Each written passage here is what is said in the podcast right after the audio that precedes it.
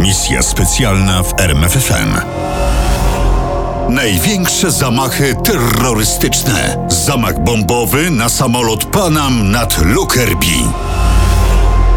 Lockerbie to niewielkie miasteczko w południowo-zachodniej Szkocji, przyklejone niczym koralik do nitki autostrady A74. W długiej, sięgającej najazdu wikingów historii miasta niewiele było spektakularnych zdarzeń, co też przyzwyczaiło jego mieszkańców do spokojnego życia na prowincji. Praca, dom, dom, praca, a obok tego drobne przyjemności. Spacer, mecz piłki nożnej, partyjka golfa lub szachów.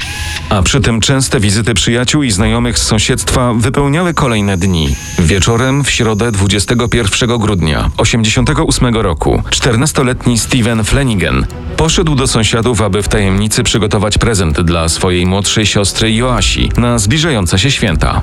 Miał dla niej nowy rower, a państwo Dora i Maurice Henry przygotowywali się na wizytę księdza z miejscowej parafii Patryka Kigansa. Byłem w Lockerbie od niedawna.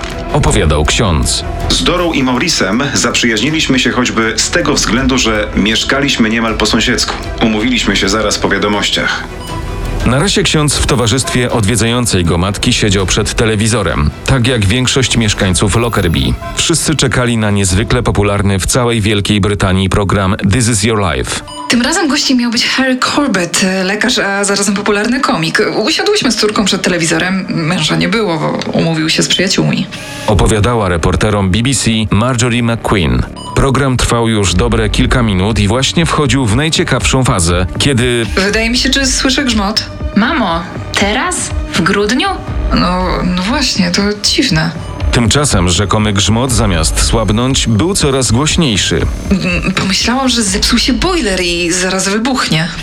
Pani McQueen założyła kurtkę i wyszła przed dom. Było zimno i ponuro, jak to w deszczowej Szkocji zimą. W oknach sąsiadów paliły się światła, gdzieś przejechał samochód, ktoś przechodził przez ulicę. Byłoby zupełnie normalnie, gdyby nie ten niezrozumiały jazgot. A jazgot narastał z każdą sekundą, przyciągając coraz więcej ludzi przed domy i do okien. Peter Giseke wstał od telewizora. Kiedy spojrzał przez okno, zobaczył jakieś światło, czy może raczej płomień spadający z nieba, na który patrzyła w tym samym czasie stojąca przed domem Marjorie McQueen. W ciągu pięciu sekund nastąpiło coś dziwnego, bo to nie była eksplozja. Nigdy bym tego tak nie nazwała. Raczej tąpnięcie, jakby coś się zapadło. A potem rozległ się świst. Nagle całe niebo zmieniło kolor na pomarańczowy i wysoki słup ognia pojawił się nad ziemią. Nie miałam pojęcia, co się stało. Nie tylko pani Queen, ale nikt w Lockerbie nie wiedział, co się stało. Ksiądz Kigans, który akurat był na poddaszu, zbiegł na dół. W głowie łomotało mu tylko jedno pytanie. Co z matką? Na szczęście nic jej się nie stało, ale przerażona schowała się w kącie za lodówką. Nie zwlekając razem wybiegli na zewnątrz. Uderzył ich blask ognia. To płonęły domy wzdłuż Sherwood Crescent. Petera Giseka oderwał od okna huk przy tylnych drzwiach domu. Zgasło światło, wokół było pełno gruzu i szkła. Z piętra po schodach biegły przestraszone dzieci. Wziąłem latarkę i wyszedłem przed dom. Najpierw jego uwagę zwrócił smród paliwa lotniczego i śmieci, które kolorowymi plamami zawalały cały ogródek. Ale najgorsze były ciała, leżały po prostu wszędzie wokół domu. Nigdy nie zapomnę dziewczyny na żywopłocie. Miała na sobie taki niebieski top i sweter. Nikt już nie miał wątpliwości, co się stało. Na Lockerbie spadł samolot.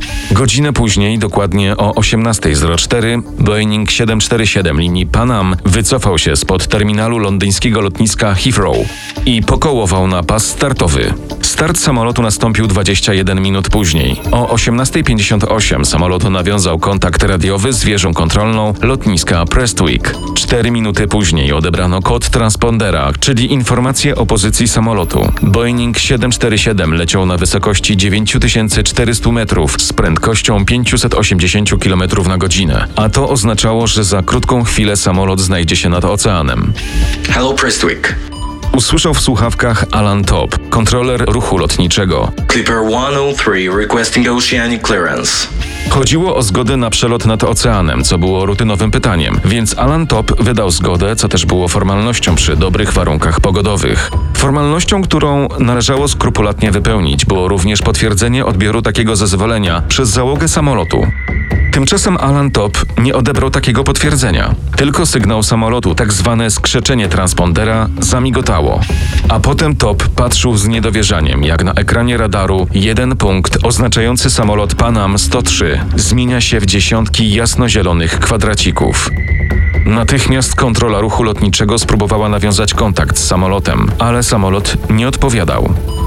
Za to chwilę później odezwał się pilot samolotu British Airways, który zameldował, że lecąc z Londynu do Glasgow, zatem podobną trasą co Boeing, widział na ziemi ogromny pożar przy Sherwood Crescent. Mówili świadkowie, wszystko płonęło. Samochody, trawniki, żywopłoty, dachy. To część kadłuba ze skrzydłami i zbiornikami wypełnionymi 100 tysiącami litrów paliwa z prędkością ponad 800 km na godzinę uderzyła prosto w dom numer 13. To był dom, w którym państwo Dora i Maurice Henry przygotowywali się na spotkanie z księdzem Kigansem. Ich ciał nigdy nie odnaleziono. Siła uderzenia była tak duża, że kadłub wyżłobił krater długości 53 metrów, a wskaźniki sejsmiczne w okolicy odnotowały wstrząs o sile 1,6 w skali Richtera. Nad Lockerbie wzbił się słup ognia, kojarzony przez ludzi z grzybem atomowym, a kiedy opadł, rozlał się płonącym żarem na sąsiednie domy.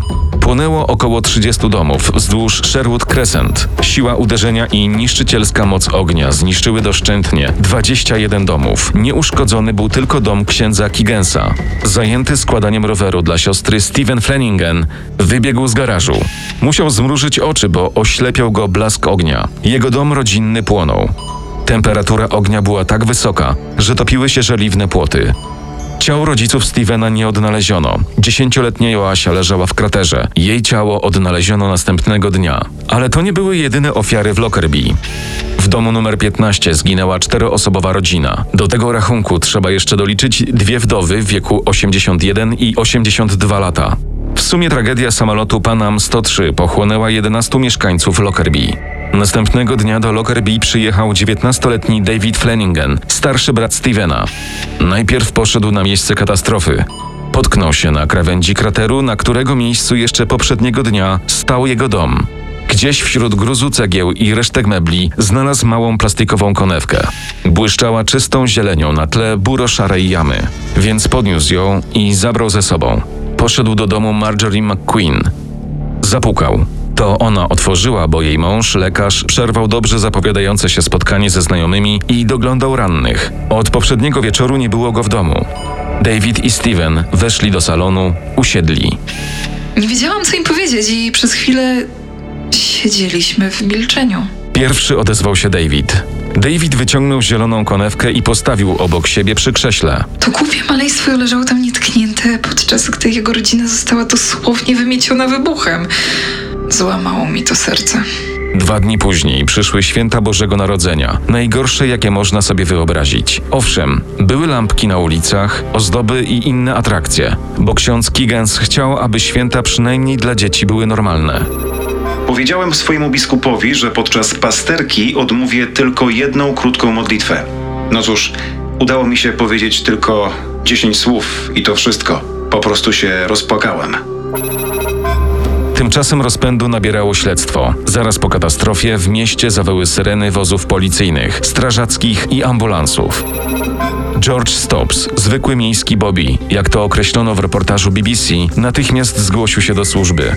Pojechałem na Rosebank i zobaczyłem, że część kadłuba została zakopana w ogrodzie i przecięła bok domu. Mówił reporterom BBC. A w środku wciąż było mnóstwo ludzi. Do tego czasu nie wydobyto żadnych ciał. Tu przy ulicy Rosebuck spadła tylna część kadłuba i fragmenty luku bagażowego. Dziwnym trafem uderzyły dokładnie w ogródki między domami. To dlatego Peter Giseke usłyszał huk od strony tylnych drzwi. Z Rosebank Stops pojechał na pola obok małego kościoła w wiosce Thundergarf, gdzie leżał dziób samolotu. Z nienaruszonymi oknami z jednej strony wrak wyglądał nie najgorzej, ale oczywiście kiedy przeszedłem na drugą stronę zobaczyłem zwoje przewodów i ludzi przypiętych pasami do siedzeń. Później, kiedy do miasta przyjechali dziennikarze, świadkowie mówili, że niektóre ofiary wyglądały jak woskowe lalki. Inni znów zostali poćwiartowani lub zmiażdżeni. W katastrofie zginęło 259 osób, w tym 243 pasażerów pochodzących z 21 krajów. Jednak najliczniejszą grupę stanowili obywatele Stanów Zjednoczonych. Byli wśród nich dwaj agenci Służby Bezpieczeństwa Dyplomatycznego DSS, zastępca szefa placówki CIA w Bejrucie i kilku funkcjonariuszy tej amerykańskiej agencji wywiadowczej.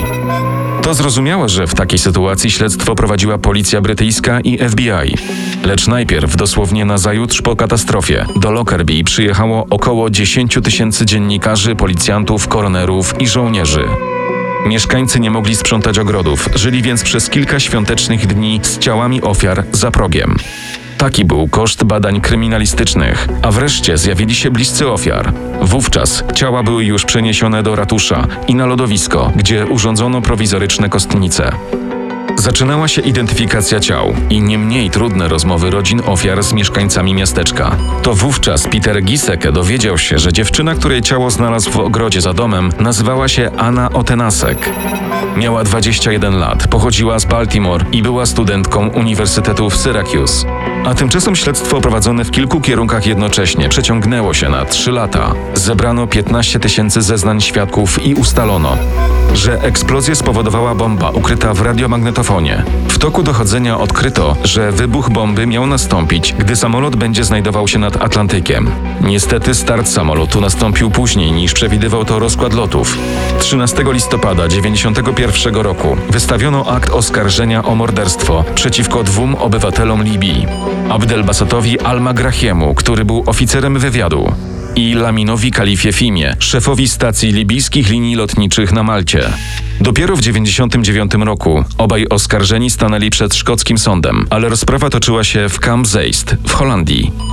Fima został uznany za niewinnego i zwolniony. Natomiast w sprawie Almagriego sąd wydał wyrok 27 lat więzienia. Tymczasem 8 lat później Megrahi został zwolniony ze względów zdrowotnych. Zdiagnozowano u niego nieuleczalne stadium raka. Zmarł w 2012 roku. Wydawałoby się, że proces zamknął temat katastrofy nad Lockerbie 21 grudnia 1988 roku.